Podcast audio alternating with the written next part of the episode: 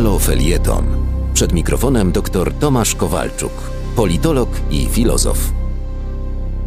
Wielu komentatorów i analityków naszego życia politycznego obserwuje z wypiekami na twarzy kolejny oczywisty blamasz najwyższych władz polskich, spodziewając się trzęsienia ziemi. Ale trzęsienie ziemi nie następuje. Skorupa polityczna ani drgnie, a i sejsmografy sondażowni również nie rejestrują specjalnych tąpnięć. Ostatnim, ale przecież już kolejnym przykładem jest krucjata Banasia, czyli sprawozdanie szefa NIK-u z kontroli wyborów kopertowych.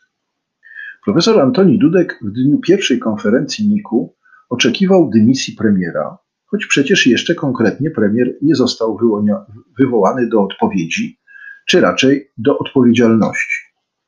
Kilka dni temu tenże profesor rozważał możliwość wizerunkowych strat dla PiSu. Przyznam, że słuchając już pierwszej konferencji, także uważałem, że sprawa jest tak zero-jedynkowo oczywista, że rząd posypie się jak zamek z kart. Później jednak przyszło otrzeźwienie. Czyż to pierwsza taka, delikatnie mówiąc, wpadka? Czyż nie było wielu wcześniej?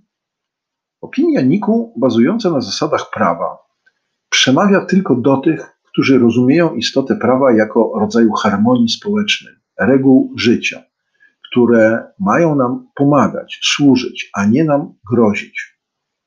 Rewolucja zaś zaczęła się od słynnych słów ojca premiera, ówczesnego marszałka seniora Kornela Morawieckiego. Prawo nie może być wyżej woli suwerena.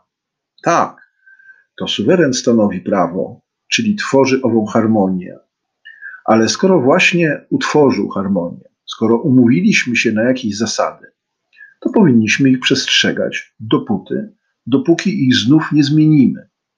Pacta sunt servanta.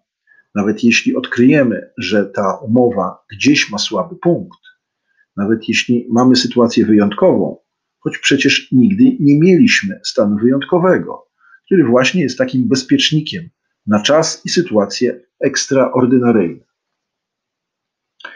Diagnoza prezesa Banasia i Niku niewiele zmieni.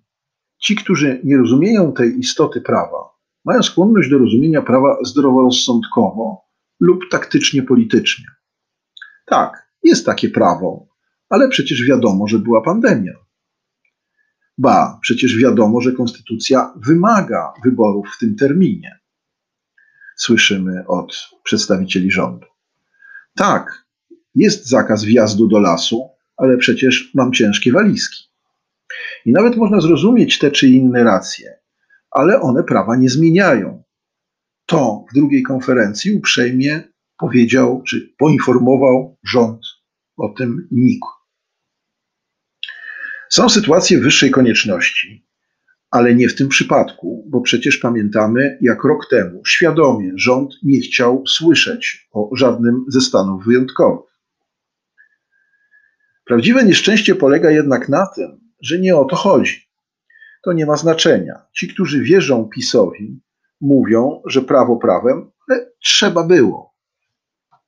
Inni, jeśli nawet coś z prawa rozumieją, są w stanie rewolucyjnej czujności i powoływanie się na prawo rozumieją jako kontrrewolucję, którą trzeba stłumić.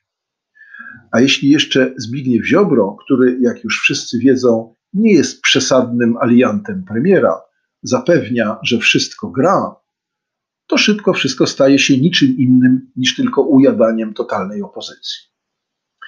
Tak więc nie wierzę w zjazd poparcia, nie wierzę w kryzys wizerunkowy, a oczywiście też nie wierzę w dymisję. Ci, dla których to kolejna kompromitacja władzy, pozostaną przy swoim naiwnym oczekiwaniu trzęsienia ziemi w postaci chociażby właśnie dymisji. Ci, którzy nie dostrzegają problemu, nie zareagują, nic się nie stanie. Tych drugich jest bowiem znacznie więcej. Na www.haloradio ukośnik SOS wspieraj niezależne Halo Radio, które mówi wszystko www.halo.radio ukośnik SOS. Dziękujemy.